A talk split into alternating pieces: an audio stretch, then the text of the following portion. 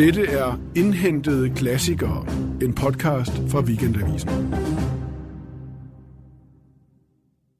Johanne, hånden på hjertet. Du kedede dig bragt, da du gik i gang med Herman Bangs kulturministerielt kanoniserede bog ved vejen. Nej, jeg kede mig ikke, men jeg begyndte at kede mig lige i starten, fordi at den starter jo med sådan en meget lang beskrivelse af et møde på en station. Og det går meget langsomt. Og det øh, er der jo en pointe i, fordi at det er jo faktisk meningen, altså det er jo kunsten. Han vil skildre et kedeligt miljø og alle de længsler og knuste drømme, der ligger under overfladen der, ikke? Men du, men du kom faktisk til at lave sådan en lille journalist-træk, hvor du, hvor du kom til at springe en lille smule i teksten. Mm. Nikker du? Altså, hvor jeg kom til, altså, det er, jo, det er jo faktisk en pinlig ting med mig, det er, at øh, jeg øh, kan kunsten at springe linjer over meget hurtigt. Det hedder danne sig et overblik over teksten. Jeg dannede mig et overblik over Herman Bank ved vejen, vil jeg sige. Og det er netop den, vi skal tale om, Johanne Myggen. Du er journalist og redaktør her på Weekendavisen.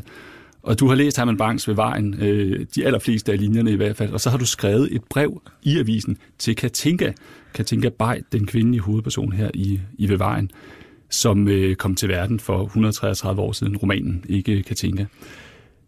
Det her det er serien Indhentede Klassikere, hvor vi øh, taler om klassikere, vi øh, er kommet efter, hvor vi hører Carsten Farve læse højt fra dem. Mit navn er Johannes Bavn, jeg er litteraturredaktør på Weekendavisen. Velkommen. Fortæl mig, Johanne, hvorfor skrev du et brev til Katinka? Mm, det var fordi, at øh, Katinka rørte mig. Altså, mm. øh, jeg, øh, hun er jo en kvindetype, som ligger utrolig langt fra mig selv. Altså, øh, fordi hun jo næsten ikke gør noget i sit liv.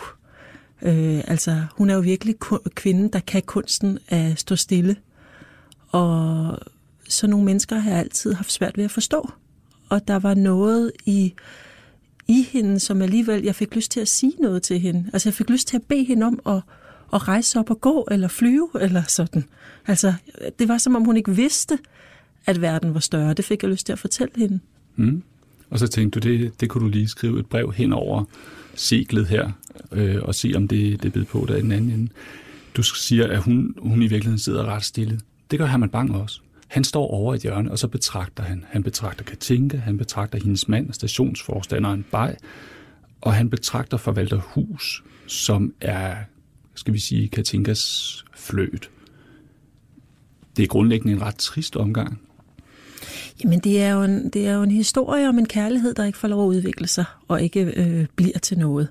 Og det er jo en historie om, om altså, det der sker, det er, at vi kender jo faktisk, det er, jo, det er jo sådan en historie, vi faktisk godt kender tit, fordi den er blevet nævnt i så mange dansk timer, men helt kort, Katinka er et øh, meget trist og øh, kærlighedsløst ægteskab med en mand, der ikke rigtig forstår hende og ikke har sans for hende.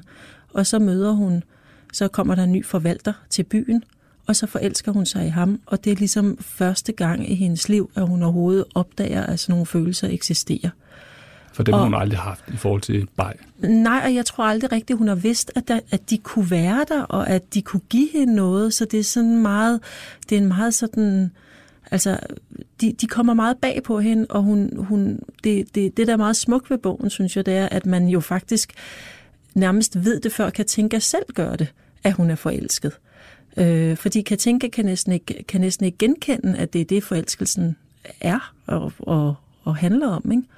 Og så samtidig er det jo også et portræt af forelskelse som den der mærkelige kraft, hvor at man, hvor at man øh, på den ene side bliver utroligt tiltrukket af et andet menneske, og på den anden side jo næsten ikke kan se det. Altså det er, sådan, det er sjovt, fordi Katinkas mand, Bej, altså han er virkelig detaljeret beskrevet. beskrevet. Altså mhm. jeg kunne nærmest, jeg har en følelse af, at jeg kunne jeg kunne opføre bag for dig, eller sådan, jeg kunne spille bag. Altså hus, der, hvis man skulle være skuespiller og spille hus, så har man næsten ikke noget at gøre med, fordi han er bare sådan en, en brun nakke og lidt sans for at kan tænke, at jeg godt ville kunne bruge et sjal eller sådan noget der. Ikke? Og det er jo det, der sker, når man bliver forelsket. Det er jo, at forelskelsen skal jo ikke have særlig meget for at tænde, så pludselig bliver den et kæmpe transformerende bål. Ikke? Du siger mand. Men, men fortæller du om, hvordan forelskelsen er for dig? Ja, og måske for, jeg tror det er sådan for de fleste, at, at forelskelsen, altså det er jo en oplevelse af, at et andet menneske lyser, og hvis man er rigtig uheldig, så lyser mennesket så meget, man ikke kan se dem, og alligevel så føler man sig utrolig genkendt, og man føler, at, at alle ens længsler er omkring det punkt. Ikke? Øhm. Men der, der er jo en, lad os bare sige, ret deprimeret øh, beskrivelse af, af kærlighed og forelskelse i, øh, i romanen, som er lagt i munden på en veninde. Der siger, at de første 25 år af vores tilværelse danser vi rundt og venter på at blive gift. Og de sidste 25 sidder vi hen og venter på at blive begravet. Så det er det der altså, øjeblik det jo... mellem de første og de sidste 25, som du taler om her. Nej, det er jo ikke en beskrivelse af forelskelsen. Det er en beskrivelse af et kvindeliv, hvor er man afhængig af, at en mand forelsker sig så meget i en, at man altså kan blive gift og komme ud af den her gamle jomfru stand, og så træde ind i en lige så kedelig og stillestående stand som kone. Hvis man er heldig, kan man så måske blive mor, men nu bliver Katinka jo ikke mor, som måske også er en af delene. Altså sådan, og så, så er der ikke andet i livet. Det er jo ikke et portræt af forelskelse, det er et portræt af, af en samfundsform, som vi heldigvis har flyttet os noget fra. Ikke? Og hvis forelskelsen skulle have rum der, så var det sådan cirka det der lille mellemspil mellem de første 25 og de sidste 25, eller hvis man fandt et lille vindue at kigge ud af, som, som Katinka gør her med, med hus. Ja. Og vi skal høre et, et, et stykke fra bogen, hvor de tager på skovtur, Baj og fru Baj, altså Katinka og hus og lidt øh, tjenestefolk omkring. Hvorfor har du valgt det stykke? Jamen, det er jo fordi, altså det er jo en sjov bog, for der sker jo ikke specielt meget. Så man kan sige, at det her er et meget, meget lavmældt stykke, hvor der faktisk er utrolig meget øh, drama. Øh, og jeg synes igen, at det er en meget smuk skildring af en kærlighed, som er så forbudt og så hengemt, at man virkelig sådan skal læse mellem linjerne for at se den er der. Men det er den helt tydeligt, ikke? Vi prøver at lytte mellem linjerne. De rullede ud på chausséen forbi Kærs jord. Rygterhuset stod på sin hjul midt imellem kvæget. En rygterhund halsede langt bort ud efter noget kvæg, de store køer løftede de tykke halse og brølte dorsk og midt. Katinka så ud over den grønne mark med det spredte og glinsende kvæg belyst af solen. Hvor er det kønt, sagde hun. Ja, ikke, sagde Hus og vendte hovedet om imod hende. Kønt er det. De begyndte at tale, Katinka og han. De så og glædede sig over de samme ting. De havde altid øjnene lige på det samme, og så nikkede enten han eller Katinka. Baj snakkede med bæsterne som en gammel kavalerist. Der var ikke gået en time, før han begyndte at tale om at få noget i livet. Morgenluften tærer du, Tik, sagde han. Man må skulle have noget at stå imod med. Katinka kunne virkelig ikke pakke ud nu. Og hvor skulle de også sidde? Men Bej holdt ikke op, og de gjorde holdt ud for en mark, hvor roen var sat i stak. De fik en af kurvene af vognen og satte sig i en stak tæt ved grøften. Bej spiste, som havde han ikke set mad i otte dage. Skålhus, sagde han. Godt selskab. De snakkede og bød rundt af krukkerne og spiste. Ja, det glider dog, Tik, sagde Bej. Folk kom forbi på vejen og skævede til dem. Øh, velbekomme til maden, sagde de og gik videre. Skålhus. God fornøjelse. Tak, for Baj. Det styrkede, sagde Baj. De var på vognen igen. Men hed er hun. Hvad Marie? Ja, sagde Marie. Hun glinsede. Hed er han. Nu når vi snart skoven, sagde Hus. De kørte frem. Derude lå skovkanten, blåsvøbt i varmen. Mærk, hvor granerne dufter, sagde Katinka. De nåede skovbrynet, og tætte graner kastede skygge langt hen over vejen. De åndede op alle sammen. Men de talte ikke, mens de kørte langsomt hen gennem skoven. Granerne stod fra vejen ind i lange lige rader, som mørket lukkede. Og ingen fugl, ingen sang, ingen støj. Kun insekterne, som stod i store stimer ud for granerne til op i lyset. De kom igen ud af skoven. Nå, svært højtidligt derinde, ikke? brød bare i tavsheden. Hen mod middag var de i bøgeskoven og tog ind i vogterhuset. Baj sagde, det går godt at række sig. Man må strække benene, hus. Og gik hen og satte sig til at sove under et træ. Hus hjalp med udpakningen. De har så nemme fingre, hus, sagde Katinka. Marie gik til og fra og varmede krukkerne op i hit vand inde i køkkenet. Det sagde altid min svigermor, sagde Hus. Svigermor? Ja, sagde Hus. Min øh, forlovedes mor. Katinka sagde ingenting. Knive og gafler raslede ud af papiret, hun holdt. Ja, sagde Hus. Jeg har aldrig talt om det. Jeg har været forlovet engang. Så? Det vidste jeg ikke. Katinka lagde knivene om. Marie kom tilbage. Ja, vi kunne gå ned til dammen, sagde Hus. Ja, når Marie vil kalde. De gik hen ad stien ind i skoven. Dammen var en mosesø lidt ind. Træerne strakte store kroner ud over det mørke vand. De havde ikke talt på vejen. Nu sad de på en bænk foran søen ved siden af hinanden. Nej, øh, sagde Hus. Jeg har aldrig fået talt om det. Katinka så tavs ud over vandet. Ja, det var min mor, sagde han, som så gerne så det for, for fremtidens skyld. Ja, sagde Katinka. Og så blev det ja, et helt år, til hun gjorde det forbi. Hus sagde det afbrudt med lange pauser, ligesom skamfuldt eller vredt. Det er jo sådan, sagde han igen, med forlovelse og ægteskab. En fugl slog op i triller derinde i skoven. Katinka hørte hver tone i stillheden. Og så er man fej oven i købet og bliver i det, sagde Hus igen. Rigtig så inderlig træfej. Dag for dag. Jeg blev i det. Tonen var lav. Til hun gjorde det forbi. Fordi hun holdt af mig. Katinka lagde sin hånd sagte kærtegnene ned på hans, som han støttede stærkt mod bænken. Stakkels hus, sagde hun blot. Og hun sad og klappede hen over hånden, sagde og mildnende. Den stakkel, hvad han havde lidt. De sad sådan nær hinanden. Middagssiden dalede ned over den lille søs vand. Myg og fluer summede i sværme. De talte ikke mere. Maries råben vækkede den. Ja, de kalder, sagde Katinka. De rejste sig og gik tavse hen ad stien. De blev alle så lystige ved bordet. Til sidst drak de gamle Aalborg portvin til pulkagen. Bej sad skjorte af mig og sagde hvert øjeblik, ja, kinder, har rart i den grønne danske skov. Han fik et anfald af ømhed og ville have Katinka på skødet. Hun rev sig løs. Bej dog, sagde hun. Hun var blevet både bleg og rød. Nå, man generer sig nok for de fremmede, sagde Bej. Der var blevet en stillhed.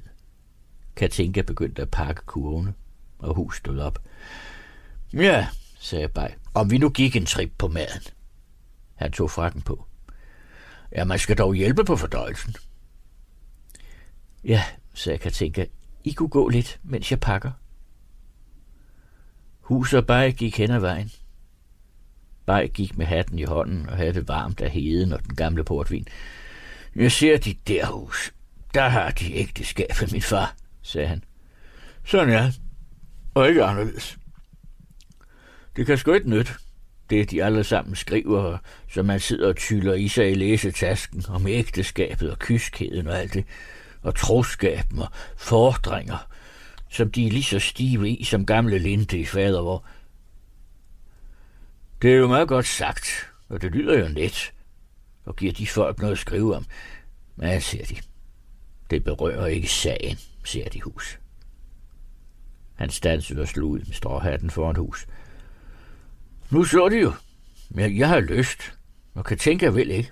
Hm, dejlig sommerdag hvor man har spist godt ude i det grønne og lige mad Ikke et kys engang. Ja, det er jo sådan med fruentimmer. Man kan aldrig regne med dem.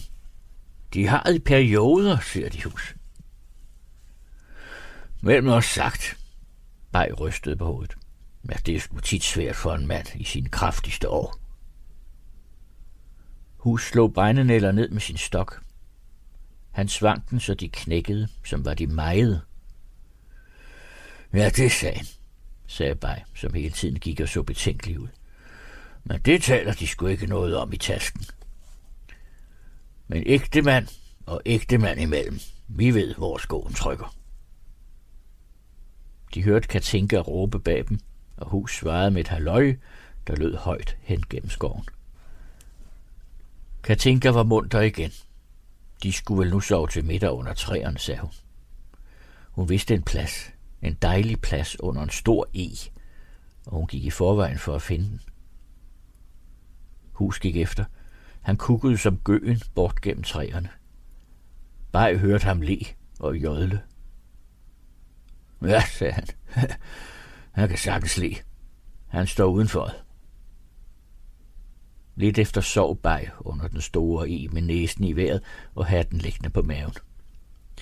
Nu skal de sovehus, sagde Katinka. Ja, sagde Hus. De sad hver på sin side af egestammen. Katinka havde taget stråhatten af og lænede hovedet mod træet.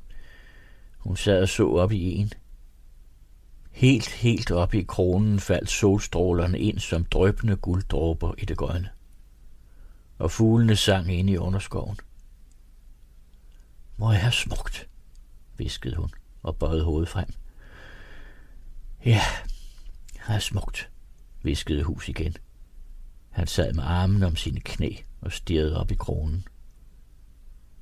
Det var så stille. De hørte begge bajs åndedrag. Et summende insekt, de fulgte med blikket op mod kronens grønne, og fuglene, der kvidrede så nær, så fjernere. Sover de? viskede Katinka. Ja, sagde Hus. De sad igen. Hus lyttede. Rejste sig så varsomt og gik frem. Ja, hun sov. Hun så ud som et barn, med hovedet på siden og munden lidt åben til et smil i søvne. Hus stod længere og så på hende. Så vendte han stille tilbage til sin plads, og lykkelig, med øjnene op i en, lyttede han til hendes søvn. Det er to mandefigurer, vi møder her, plus Katinka imellem. Der er den brusende bag. Da Max von Sydow han øh, filmatiserede romanen her for cirka 30 år siden, så var det med den, øh, lad os bare sige altid, håndfaste Ole Ernst i rollen som øh, stationsforstanderen. Og den lidt mere sky type øh, hus var, var spillet af en mere drømmende Kurt Ravn. Johanne, altså det kan godt være, at vi skriver 1880'erne, men var mænd sådan? Øh, er mænd sådan?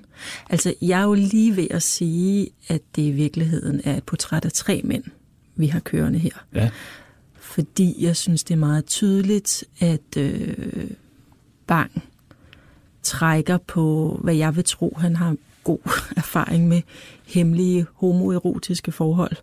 Og man kan sagtens læse, øh, man kan sagtens forestille sig, at Katinka i virkeligheden er en lidt uskyldig mand, øh, som måske ikke har været er opmærksom på sin egen homoseksualitet endnu, og at Hus er den lidt mere erfarne øh, mand, og at de forelsker sig i ly af, af, af et ægteskab, af et eller andet andet. Altså, det, er jo, det var jo en kærlighed, som Bang overhovedet ikke kunne skildre, men jeg synes, det er meget tydeligt i denne her bog, at han har en meget, meget dyb erfaring med umulig, hemmelig kærlighed, som lever i krone.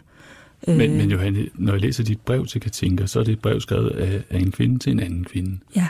Og er det ikke lidt øh, et, øh, et nutidigt øh, queer-inspireret tryllenummer at gøre både øh, hus og Katinka til noget andet, end det de, de er her?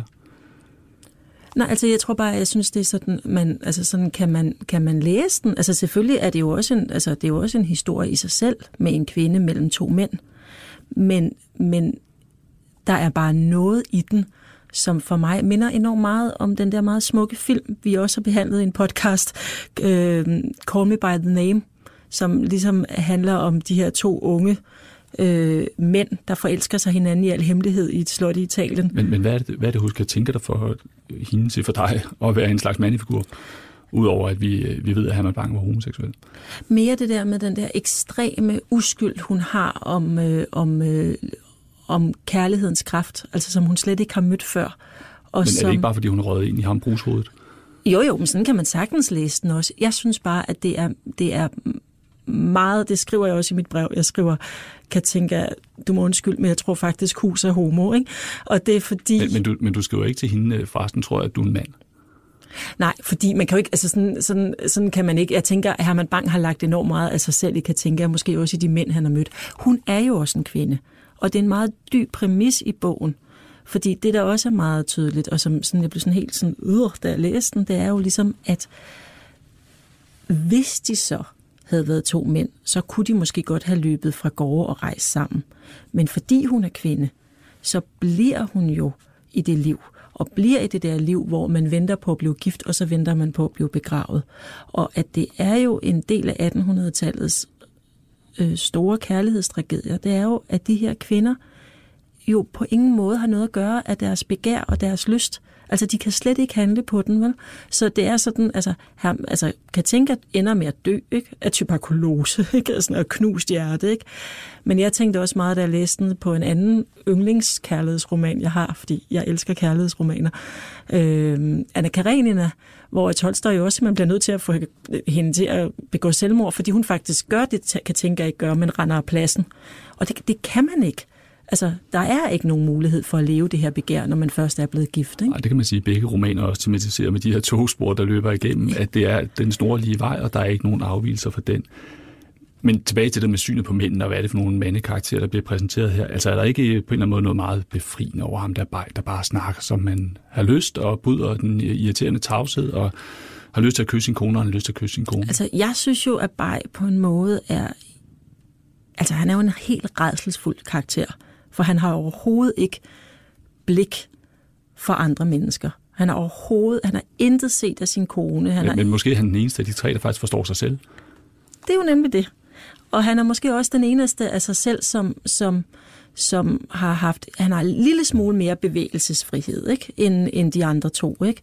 Hvor, men, men det, jeg synes er meget charmerende gjort af Bang, det er, at man alligevel får en form for ømhed for ham. Ikke? Fordi han er jo også mismatchet. Ikke? Han skulle virkelig have haft sådan en, en, en kvinde med store bryster, som ville knalde med ham hver lørdag, og, og sådan, så kunne han have været glad. Ikke? Og han, han er jo en mand, der ligesom elsker livets gode, og elsker pund, kan jeg gerne vil have noget mad, og, øh, øh, og ikke er ligeglad med granerne. Ikke? Og det er egentlig... Øh, altså, øh, han er ikke charmerende, fordi han er så... Han har i hvert fald ikke noget blik for... De, hvis han har dybder, så er de der ikke i det, det billede, han giver verden. Men, men der er jo, altså, han er jo livskraftig, han kan jo leve. Ja, der, der, der er gang i ham, ikke? Ja. Altså, de her to, to en kvart, to en halv mænd, som Bang øh, skriver om her, og som har forskellige øh, egenskaber, kan man sige, forskellige udtryk for det maskuline. Hvor meget minder de om de mænd, som du støder på i dag? Om bej kan man virkelig genkende. Nej, jeg synes, man på en måde kan genkende dem alle sammen. Mm. Altså, øh, man kan både genkende... Altså, bej er, er jo simpelthen altså onklen fra helvede på en eller anden måde, ikke? Øh, altså, den der glade, joviale mandetype, som... Altså, som er dum nok til at tro, at hans eneste problem er, at han ikke får nok sex, eller sådan, ikke? Altså, øh, hus, altså som sagt, jeg synes, han er meget svær at se. Altså, øh, men der er jo, altså, det er jo, det er jo en meget stivnet tilværelse, de lever. De kan ikke bevæge sig, de kan ikke flytte sig. Øh, og der er heller ikke nogen mulighed for, at de kan.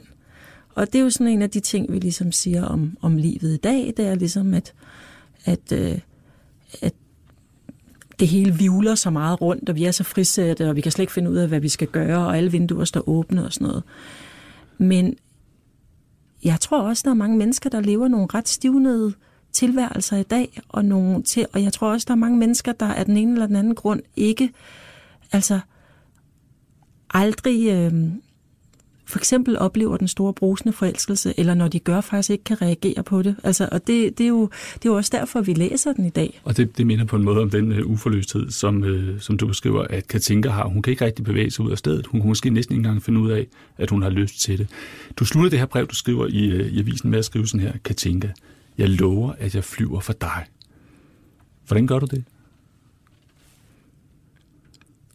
Jamen,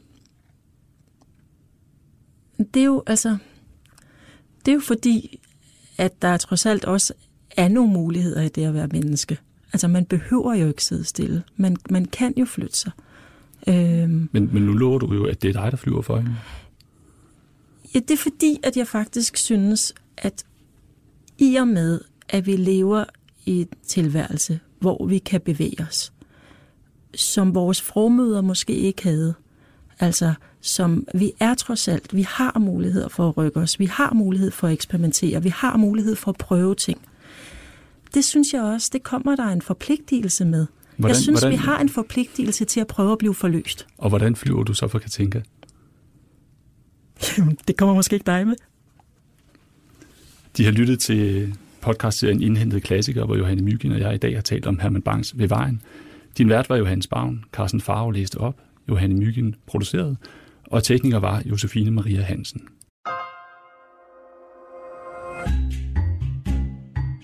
Du lytter til Weekendavisen. Hør alle udsendelser på weekendavisen.dk-podcast.